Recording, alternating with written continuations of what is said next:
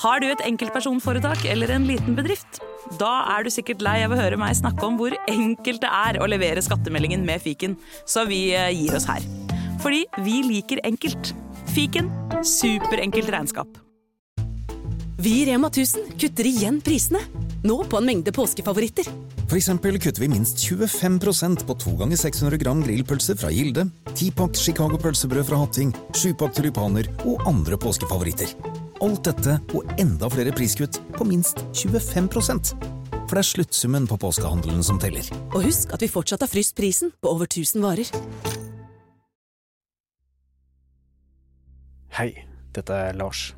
Jeg er produsent for Avhørt, og jeg har lyst til å ønske deg velkommen til et nytt år med Avhørt. Vi har mange nye spennende serier og historier å dele med dere i 2024.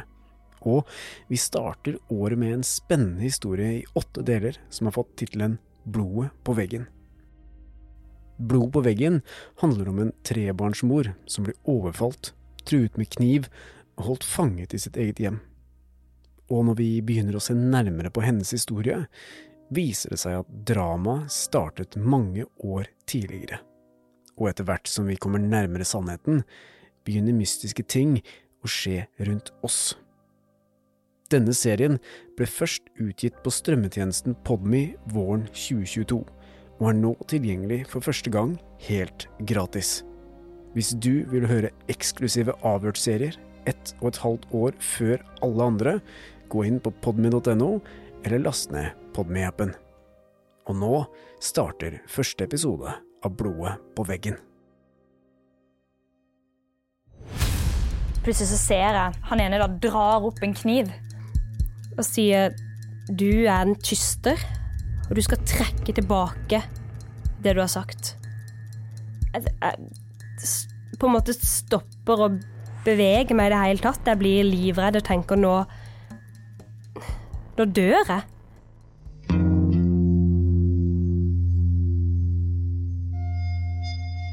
Dette er en historie basert på virkelige hendelser.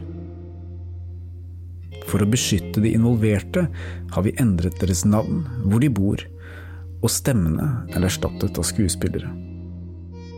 Utenom dette vil vi forsøke å gjenfortelle denne historien slik den først ble fortalt til oss.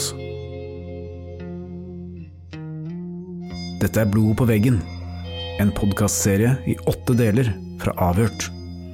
Del én.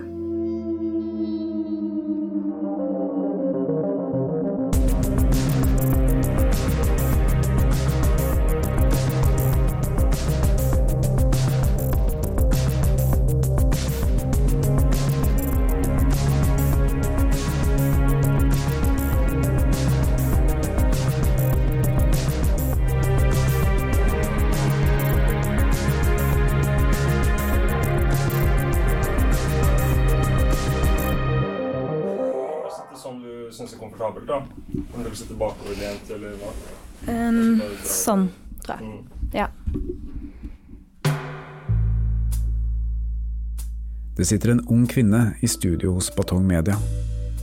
På andre siden av bordet sitter mine to makkere Stein Morten Lier og Helge Molvær. Etter tre års arbeid med denne podkasten får vi stadig inn tips om saker fra lyttere og andre som enten har en historie å fortelle, eller som trenger vår hjelp fordi de føler at alle andre har gitt dem opp. Silje er en av dem som faller inn under begge disse kategoriene. For hva skjer når barnevern og politi, de som skal beskytte deg og dine nærmeste, ikke tror deg? Dette er bare en av grunnene til at vi ønsket å grave i denne saken. En, to, en, to. Bare testlyden. ja. Eh, kan du høre meg greit? Ja. ja. Kvinnen i studio er en profesjonell skuespiller som skal være Siljes stemme i denne podkastserien. I virkeligheten har Silje et annet navn, men fordi den historien hun har fortalt oss er så dramatisk at den i verste fall kan sette henne i livsfare, har vi vært nødt til å spille inn stemmen hennes på nytt. Skuespilleren har fått høre Siljes forklaring til oss, og vil gjengi dette så virkelighetsnært som mulig. Selv om stemmen er annerledes, er dette Siljes historie, fortalt med hennes egne ord. Takk for at du ville komme til oss i dag, Silje, for å fortelle historien. Kan vi ikke starte litt med begynnelsen, oppveksten din og hvordan den var? Eh, jo, altså, jeg vokste opp på Sørlandet. Um, og jeg mista faren min um, rett før jeg skulle begynne i første klasse. Um, og så da jeg var 15, så flytta jeg til Oslo sammen du- med kjæresten min. Du Oi. flytta hjemmefra da du var 15 år gammel. Eh, ja. Det var veldig tidlig. ja, Mm. det var jo det. Men eh, jeg var forelska og litt, eh, kanskje litt sta, så ja, da ble det sånn. Ok, du bare gjorde det du ville. Men eh, hva med moren din da? Fant hun seg i det? Eh, nei, hun syntes jo det var ikke Det var nok ikke helt sånn hun hadde ønska det, men eh. Det gikk seg nå til, da. Men hun var nok ikke, hun var ikke så veldig fornøyd i begynnelsen, nei. Men hva var grunnen til at du eh, flytta hjemmefra da du var så ung? Hadde det vært min datter, så tror jeg hadde satt ned foten, altså. Det hadde ikke vært greit.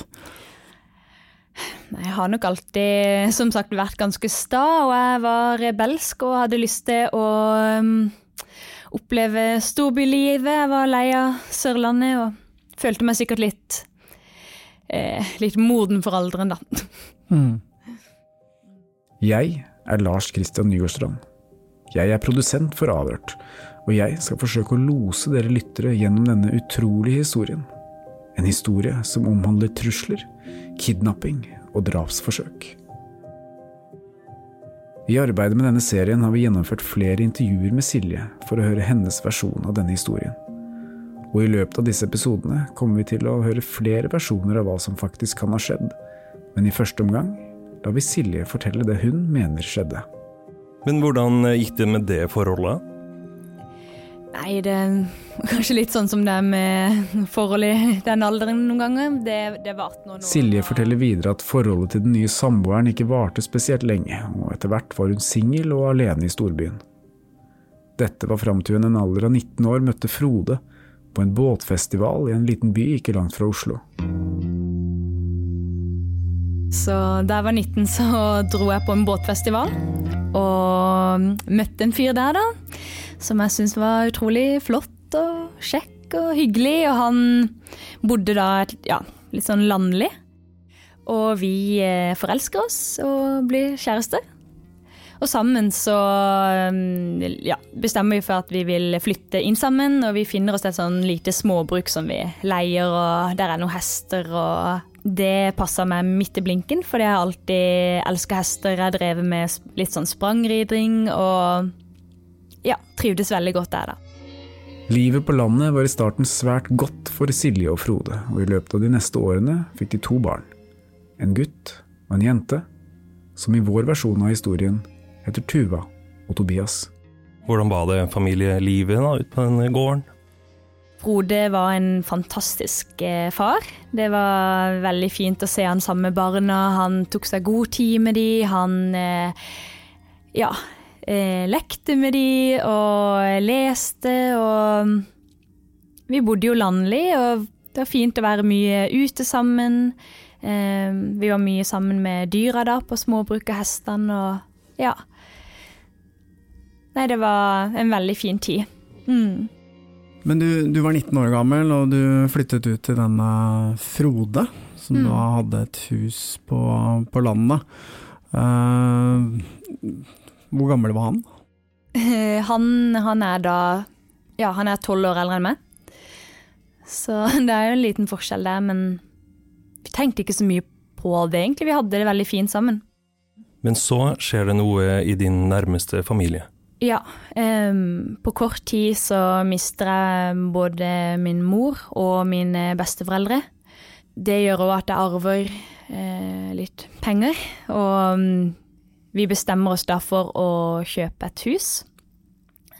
Så da kjøper vi et, eh, et flott hus, syns jeg. Det var vel mitt, mitt drømmehus da, og vi flytter der da, alle, alle fire. Mm. Du sa jo at du var 19 år da du møtte Frode, og han eh, 12 år eldre. Eh, Hva visste du egentlig om Frode fra før? Um, han hadde absolutt levd litt um, før meg, og det visste jeg. Og jeg visste at han hadde mm, ja, litt sånn historikk med litt småkriminalitet og litt med rusmidler. Men det var Jeg så aldri noe av det i de åra jeg hadde med han og med barna, sånn, så jeg regna egentlig bare med at det var eh, noe han hadde lagt bak seg. Noe som hørte på en måte ungdomstida til, da. Mm. Men så eh, du arver penger, og dere får kjøpt dette huset i denne lille byen. Eh, Men Frode, hva kunne han bidra med der økonomisk, da? Um, ja, det var jo jeg som hadde arva da fire millioner. Um, og um, jeg hjalp også Frode litt, fordi han um, hadde gjeld. Og ja, i forbindelse med at vi ville kjøpe det huset, så lånte han penger, sånn at han kunne bli gjeldsfri. Og, og hadde dere noe eh, avtale på dette her? Jeg overførte pengene til hans konto. Um, og så hadde vi jo en avtale. Vi hadde et gjeldsbrev på at han skulle betale meg tilbake. Mm. Men livet sammen med Frode og barna i det røde huset med hvitt stakittgjerde skulle bli alt annet enn idyllisk. Nei, det, det blei helt Alt forandra seg. Han Han begynte å være seint ute. Det var mange netter han ikke kom hjem. Han kunne være vekke over flere dager. Um, han begynte å ha veldig mye sinne. Han, oppførselen hans endra seg både mot meg og mot barna. Eh, jeg, jeg spurte han flere ganger om han hadde rusa seg. Han sa nei, det, det hadde han ikke gjort, og det var i hvert fall ikke det. Og For, for det hadde du en mistanke om, at han hadde begynt med rus igjen? ja, jeg Ja. syns eh, oppførselen hans var så Så forandra at eh, Ja. Men ble han voldelig? Eller var det bare diskusjoner og Nei, i begynnelsen så var det mer eh, diskusjoner, og vi, vi krangla, og jeg merka at folk begynte å trekke seg, til, strekke seg bort. Vi hadde ikke besøk av venner lenger, vi hadde ikke besøk av kollegaer. Um, ja. Um, og så um, var det en situasjon hvor jeg hadde bursdag. Jeg hadde invitert eh, sånn 30 gjester og um, ja, kollegaer og venner og sånn, og han, han kommer eh, hjem. Han var drita full, og det hele ble jo bare helt Ja, det ble ikke bare Altså, det ble jo flaut, men det ble jo òg veldig trist. Eh, ja, og vond. Vond, pinlig situasjon. Og etter denne hendelsen da, så fortsetter vi å diskutere og krangle, og jeg hadde fått en sånn lysestake til, i bursdagsgave. Og på et tidspunkt så kaster han den lysestake i hodet på meg. Han kasta lysestaken i hodet på deg? Mm. Og mm, det var vel Det var da jeg virkelig bestemte meg for at nå var det nok, da. Ehm, jeg kunne ikke være i det forholdet mer, da. I arbeidet med disse episodene har vi gjort flere forsøk på å høre Frode sin versjon av denne historien. Foreløpig har han ikke hatt noen interesse av å delta i denne podkasten, men etter hvert som denne historien tilspisser seg, kommer vi til å gjøre nye forsøk på å få ham i tale. Han kastet da en lysestake i hodet på deg. Fikk du noen skader?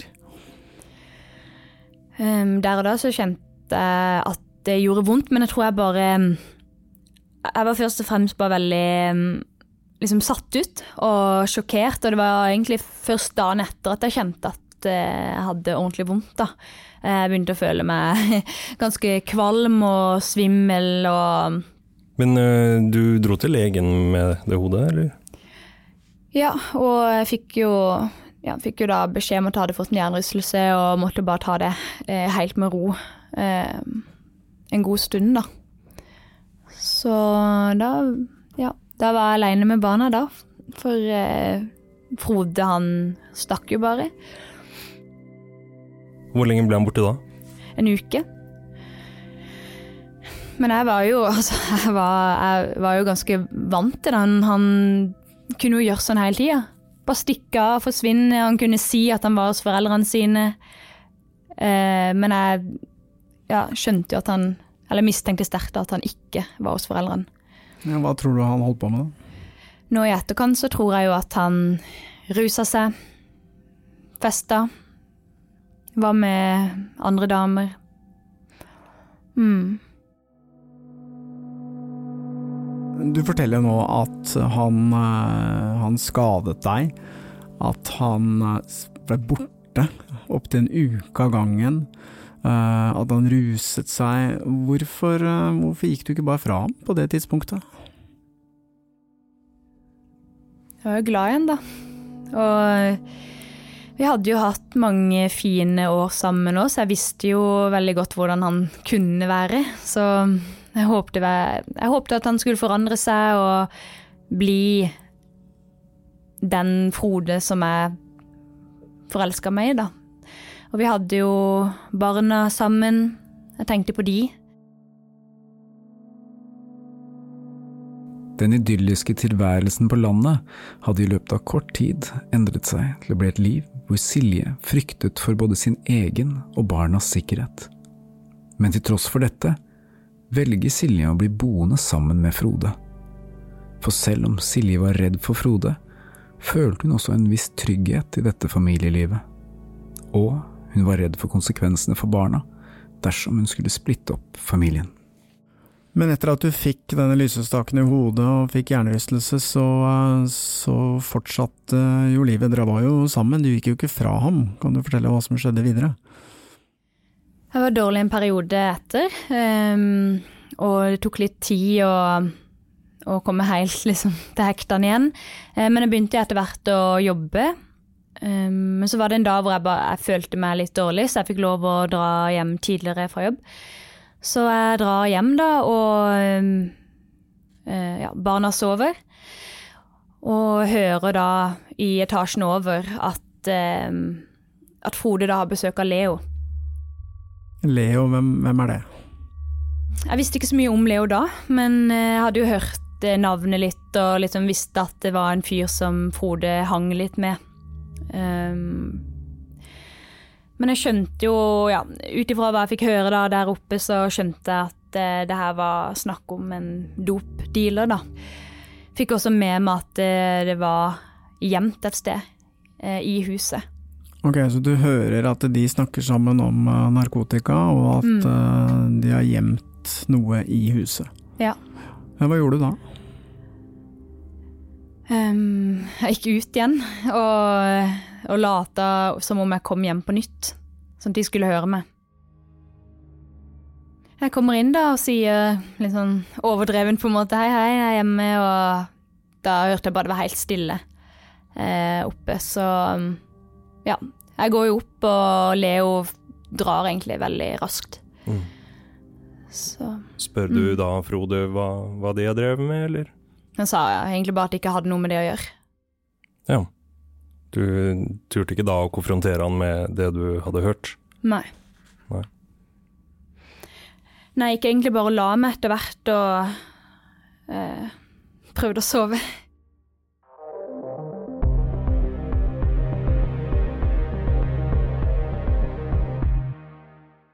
Har du et enkeltpersonforetak eller en liten bedrift? Da er du sikkert lei av å høre meg snakke om hvor enkelt det er med kvitteringer og bilag i fiken, så vi eh, gir oss her, vi.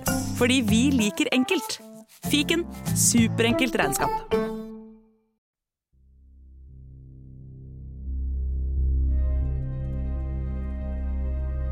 Og dagen etter så raider jeg hele huset, leiter overalt, um, og finner til slutt narkotika på vaskerommet. Hva slags narkotika da? Det vet jeg ikke, men det var noe, det var noe, hvitt, noe hvitt, pulver, da. Mm. Og det var ikke vaskemiddel? Nei. Nei. Det jeg skjønte da at det var den narkotikaen som de hadde snakka om og, og gjemt, da. Mm. Men hva gjorde du med den narkotikaen? Kasta du den, eller? Nei, jeg turte ikke å, å gjøre noe med det, jeg bare la det på plass og um, bestemte meg for at sånn her kunne jeg ikke ha det, så jeg pakka kofferten min og tok med meg barna og dro, og kom aldri tilbake, da. Silje forteller at hun fikk bo midlertidig hos en venninne som leide en liten hybel i et stort hus i utkanten av byen.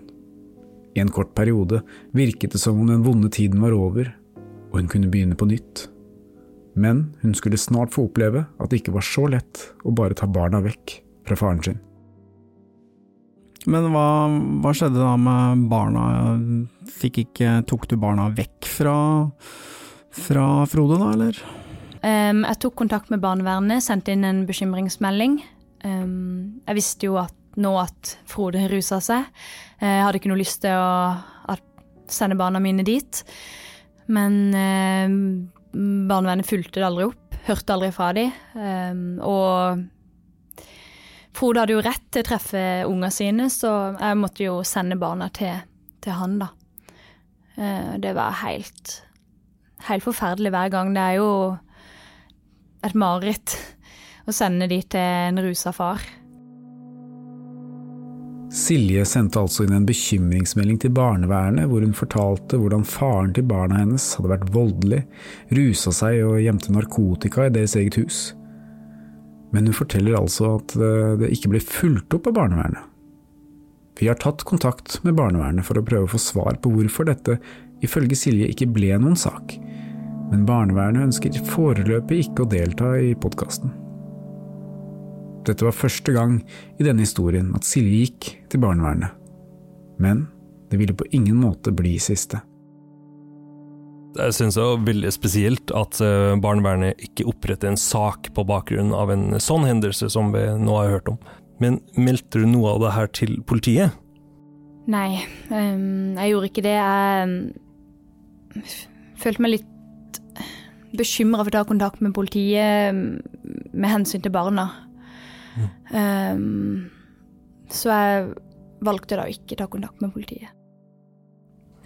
Jeg ville jo ikke at faren til barna mine skulle sitte i fengsel.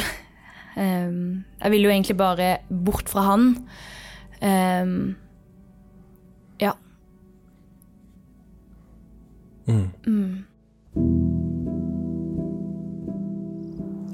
Og så ser du her er da hovedinngangen. Mm. Så er det også en gang på andre sida. Og der er da hybelen til, til Silje, da. Det var der Silje bodde. Det var, hun hun flytta inn hit. Utleieren av hybelen, en mann vi har gitt navnet Thomas, som selv bodde i det store huset, ble etter hvert godt kjent med Silje. Vi møtte Thomas for å snakke med ham om hvordan han opplevde den første tiden med Silje som sin nye leieboer. Men eh, ok, Så Silje hun flytter inn på den hybelen her. og Hvordan var den første tida etter hun kom hit? Jeg husker godt uh, første gang jeg så henne. Uh, først så traff jeg faktisk ungene hennes. Det var jo Tuva og Tobias som drev og leika ute på gårdsplassen her. da. Silje holdt seg for det meste inne, egentlig. Så, så, skjønte jeg jo etter hvert at hun prøvde å gjemme seg litt. da. At hun hadde reist fra mannen sin og, ja, og slikt. Ja, for hun fortalte det hva som hadde skjedd? Det var tydelig at hun trengte noen å prate med. For da jeg først spurte, så var det vanskelig å få henne til å, til å stoppe å, å, å, prate. Men ja, det ble jo mange samtaler etter hvert, da. Og jeg ble sittende opp og prate til langt på natt en del kvelder. Ja, for du bodde alene her i huset? Ja. Jeg hadde, jeg hadde faktisk akkurat blitt singel sjøl.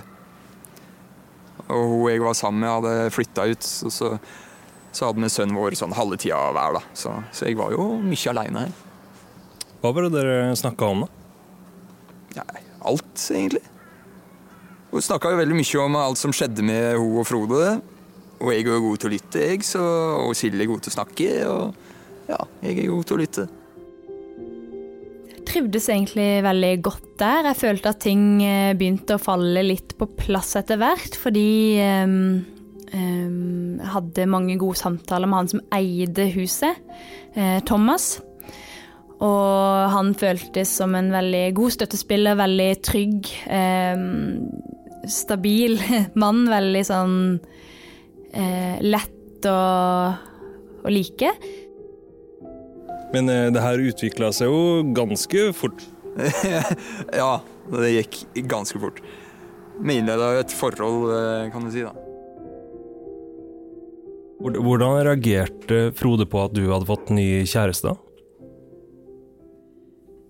Han, Han reagerte kraftig. Altså, det var jo da virkelig helvete liksom brakte løs. Det var han Han kom hjem til oss. Han der drev og banka og slo på dørene, og barna lå og sov, og Thomas prøver å gå ut og liksom få ham til å roe seg, og han driver og truer Thomas, eh, sier at eh, han ikke har noe rett til å ta fra han kona hans og ja, truer med at han skal ta han og Ok, Så han mente at det var Thomas sin feil, at han hadde tatt fra Mm. han kona si? Okay. Ja. Men hvor var du da det her skjedde? Da var du i huset? Ja. Ja. Jeg var i huset og hørte på og prøvde bare å passe på at barna ikke våkna. Um, ja. Jeg var redd. Jeg var redd og ble jo veldig redd for Thomas òg. Jeg ble redd for forholdet vårt. Um, ja. Mm. Det er ikke sånn man ønsker å starte et nytt forhold. Silje har jo fortalt oss om en hendelse der Frode skal ha konfrontert deg ute på gårdsplassen din. Eh, forta sa Frode da at han skulle ta deg og true deg med vold? Kan, kan du fortelle om den hendelsen?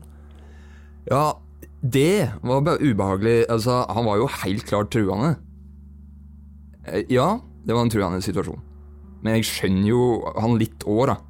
Eh, Jeg hadde ikke blitt glad sjøl hvis jeg eh, følte at noen hadde tatt fra meg kona mi. Vet du om han var rusa da, eller?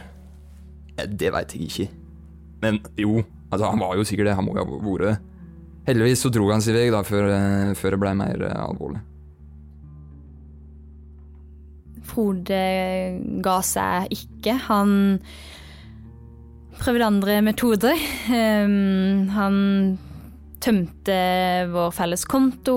Han brukte jo alle penger på mastercardet. Han eh, Ja. En dag så skal vi ut Ja, vi skal ut på tur, da. Kommer ut, og vi finner ja, Bilskiltene våre er tatt av. Bilskiltene var borte. Ja. Han hadde klippet av dem. ja. Hvor hadde han gjort av dem? Jeg konfronterte jo Frode med det her, og han Han bare sier med veldig sånn truende stemme at nei, da må vi svømme langt ut på havet for å få tak i de, og han Han liksom gjør veldig mye sånne drastiske, brutale greier, liksom. Han, han drar det så langt, da. Um, Men kan du huske hva du hvordan det føltes, da. Altså du er i et nytt forhold med en, eh, en fyr, du føler at du har kommet vekk fra det her, men du er jo ikke kvitt han allikevel. Han dukker opp og truer den nye kjæresten din, eh, begår en del handlinger som er ganske ille. Hvordan, hvordan var det? Um, jeg følte jo at det på en måte ikke skulle ta slutt, da. Ble bekymra for framtida. Eh, f- f- føler på en måte at eh, fortida mi driver og liksom henter meg inn da hele tida, og jeg vil egentlig bare gå videre med livet og ehm, ja, livet sammen med Thomas, da. Vi har fått innblikk i noen av disse meldingene som Silje hevder at hun fikk tilsendt av Frode. Vedkommende skriver blant annet Du kan selge musa di billig, det er det eneste du er god på. Brenn i helvete. Gleder meg til å se fasaden din gå i grus, jævla hore. Pass deg. En dag er jeg på jobb, så kommer det en eh, ung kollega bort til meg som jeg ikke har blitt kjent med ennå. Um, og eh, han Ja, han driver og hinter til noen meldinger han har mottatt fra meg, da. Eh, og jeg blir veldig nysgjerrig og forvirra, fordi jeg vet at jeg ikke har sendt han noen meldinger. Ehm, og så jeg spør om jeg får se de, og så, så leser jeg de, og det var egentlig en veldig ubehagelig opplevelse å lese, for det var veldig seksualiserte meldinger. Um, ja. I det hele tatt en ganske pinlig situasjon, da. Ja, og da fortalte du denne kollegaen da hva, at det ikke var du som hadde Ja. sendt meldingen? Ja. Jeg fortalte det. Um, og så skjønte jeg jo egentlig ganske fort at dette var det Frode som sto bak. Eh, Jeg oppdager at han har skifta passordet mitt på alt av sosiale medier. Ja, Du sier skifta passordet ditt. eh, Han visste passordet, han kunne passordet ditt, eller? Ja, du hadde ikke endra det, eller? ja eh, har egentlig hatt samme passord eh, siden jeg var 15 og bare brukt det på ja, alle sosiale medier, så han, han visste det, da. Eh, og mm, ja, og videre så begynner folk å kontakte Thomas òg, om hvor de visstnok skal ha fått kontakt med, med meg, da. På alt mulig fra Tinder og andre uskyldige sjekke-apper og nettsider til mer sånn nettsider som er brukt til prostitusjon og eskortetjenester og eh, Ja, folk tar kontakt med Thomas da for å på en måte advare litt og si hva kjæresten hans driver med, og heldigvis da så tror jo ikke Thomas på de. Um, så Frode gjør jo da alt for å sverte eh, meg, da, og, og ødelegge liksom Thomas' bilde av meg. Um, og prøver jo på den måten å ødelegge forholdet til meg og Thomas, da. Um, han driver også og sprer falske rykter om meg til folk i nærmiljøet, venner, kollegaer, om ja, at jeg driver med prostitusjon, eh, at jeg tar narkotika, eh, driver med sprøyter. Eh, ja, han, på et tidspunkt driver han også og sier at Thomas banker meg opp. Ja, så han gjorde alt han kunne for å sverte deg og Thomas og ødelegge forholdet deres. Ja. Og de som hørte dette, da trodde de på det, eller? Ja, noen. Eh, Jeg opplevde flere ganger at folk kom bort til meg og liksom spurte om det gikk bra med meg, og ja. Så folk trodde på det. Og jeg bor jo heller ikke i verdens største by, så, så det er ganske lite miljø. Ting sprer seg raskt. Mm, så du fikk et ganske dårlig rykte etter hvert. Mm. Mm. Og han fortalte det til og med til barnevernet. Ok, han gikk til barnevernet og Ja. sa at du var sprøytenarkoman og prostituert, Mm, og at Thomas banka det opp. mm.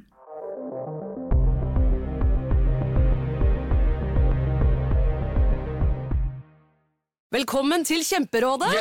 Denne gangen har vi fått inn et kjempedilemma fra en familie. Jeg leser Hei, vi er litt uenige i familien her. Hvis du skulle vært et dyr, ville du hatt gjeller eller vinger? Oi, den er tricky. Ja, Hva ville dere hatt, da? Altså, jeg vet ikke, men Med familierabatt får du ubegrenset data fra Telenor fra 399 kroner. Da kan du scrolle seg til svaret, rett og slett. Ja, ok, Men for min del Ja. gjeller. Nei, nei, nei, nei, vinger. Nei, nei, gjeller. Ja, ok, ja, Kjempebra. Men eh, se nye mobilabonnement på telenor.no, da.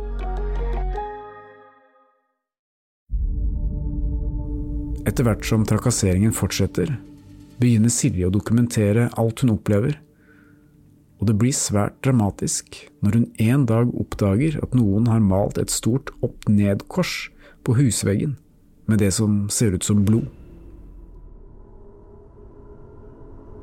Vi har fått se bilder av hærverket, og man kan tydelig se noe mørkerødt som er sprayet på veggen.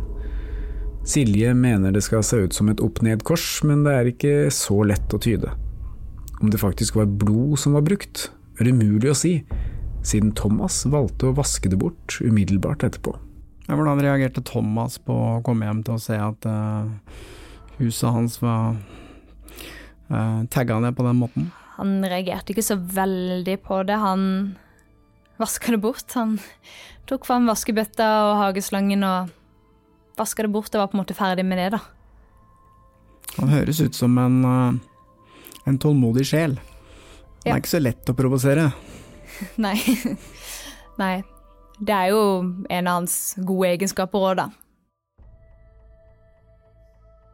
Men hva, hva tenkte du da du så det her blodet på veggen? Nei, altså, jeg tenkte jeg, jeg tenkte ikke så mye på det, egentlig. Jeg, jeg tok bare og vaska det bort, og så Ja. Få det, vekk, liksom. Ut av øyet, ut av sinn. Så er det en dag hvor den nye kjæresten til Frode tar kontakt med meg eh, og ber om hjelp. Eh, hun forteller at at eh, Frode ruser seg. Han er voldelig, han er mye sint. Eh, både mot hun og barna. Um, det her er jo ting som høres veldig kjent ut. Mm. At, eh, for det var jo det samme i ditt tilfelle, at sånn var det jo ikke da forholdet starta. Men etter hvert så, så endra ting seg, og det gjorde det òg for den nye kjæresten til Frode. Mm. Og Hvordan var det med hennes nettverk og sånn? Hadde hun mange å, å lene seg på?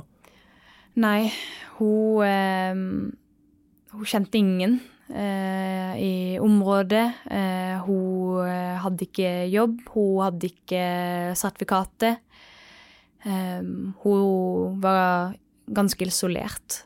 Mm, så jeg fikk jo lyst til å hjelpe henne. Um, jeg hadde jo vært gjennom det her sjøl òg.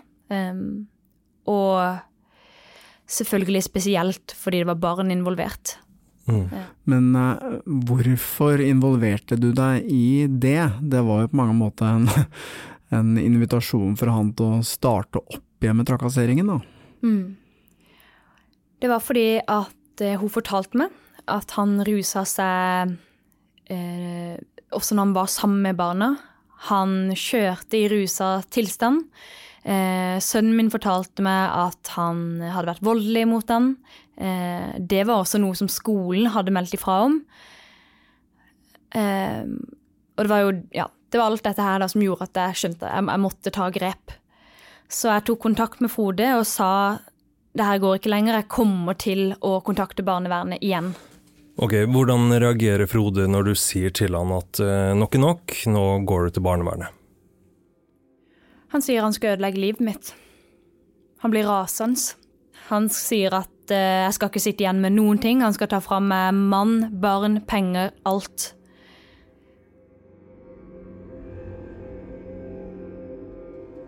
Det eskalerer jo veldig. Meg og Thomas er ute og kjører.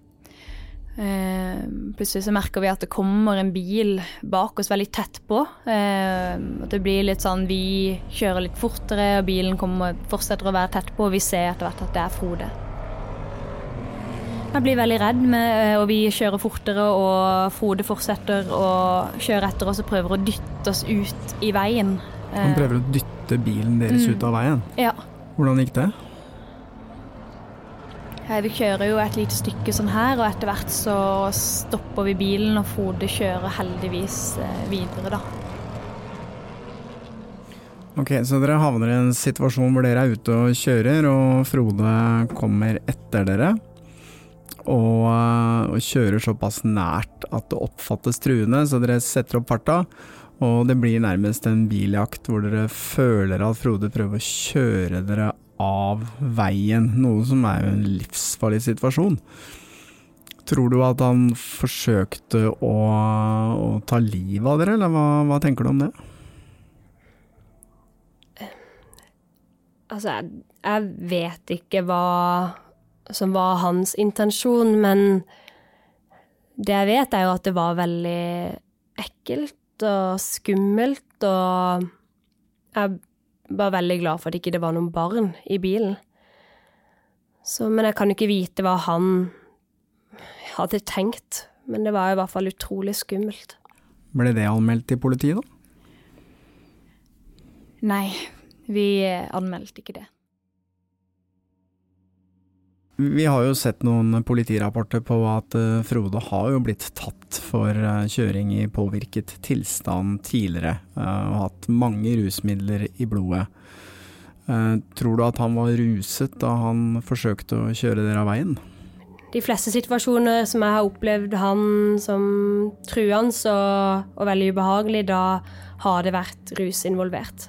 Mm. Det men, er det eneste jeg vet. Men, jeg, ja. men denne situasjonen ble jo aldri anmeldt, så det fant man jo aldri ut av. Med hensyn til eh, barna, så håpte jeg veldig lenge at vi kunne unngå å blande politiet inn. Så det er derfor jeg venta såpass lenge med det. For oss så høres det veldig rart ut at alle de tinga dere har opplevd, at, eh, at dere ikke går til politiet da. Hva er grunnen til det? Thomas, han ønska ikke det. Hvor, hvorfor ikke det? Vi bor jo ikke i en så stor by, og Thomas har et eget firma. Um, så han er litt avhengig av å ha et litt godt rykte på seg, og han er en fyr som blir godt likt, og ønsker ikke å skape noen negativ eh, blest rundt hans navn, da. Thomas driver en mellomstor bedrift og har et kjent fjes i den lille byen. Senere i denne historien skal vi forsøke å bli litt bedre kjent med Thomas. Og kanskje vil vi forstå mer av hvorfor han ikke velger å anmelde en så dramatisk hendelse. Og så går det ikke så lang tid, og er hjemme alene en kveld. Eller ja, Thomas er på jobb, barna ligger og sover. Um, sitter i stua og ser på TV, og så tikker det inn en sånn venneforespørsel på Snapchat. Um, det var for så vidt et fremmed navn, men jeg bare la personen til. Jeg var litt sånn nysgjerrig på hva det var, og, og mottar med en gang et bilde på meldingstjenesten Snapchat kan hvem som helst legge til hvem som helst som sine venner og sende meldinger, bilder og videoer til hverandre, og hvis du ønsker kan du være anonym. Den eneste forutsetningen er at den som mottar din venneforespørsel, godtar denne.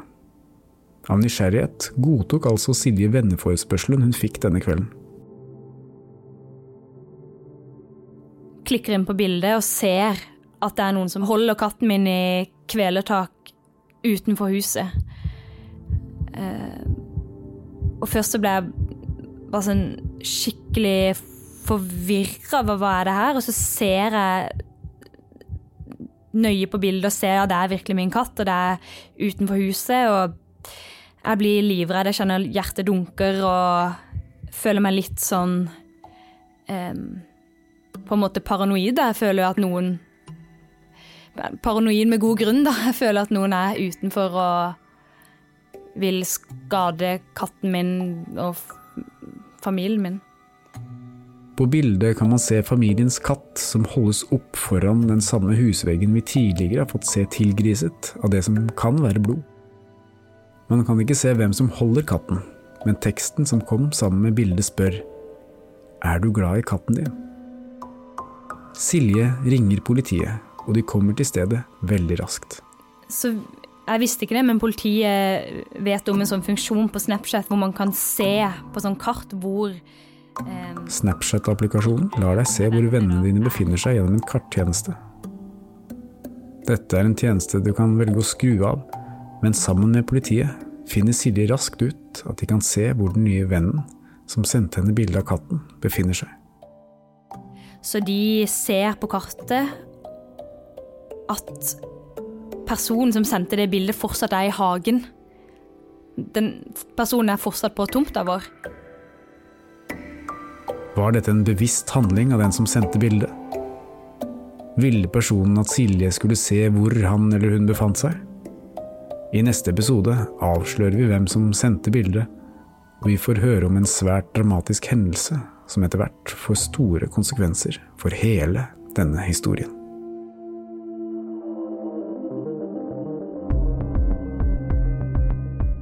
Avhørt er produsert av Batong Media.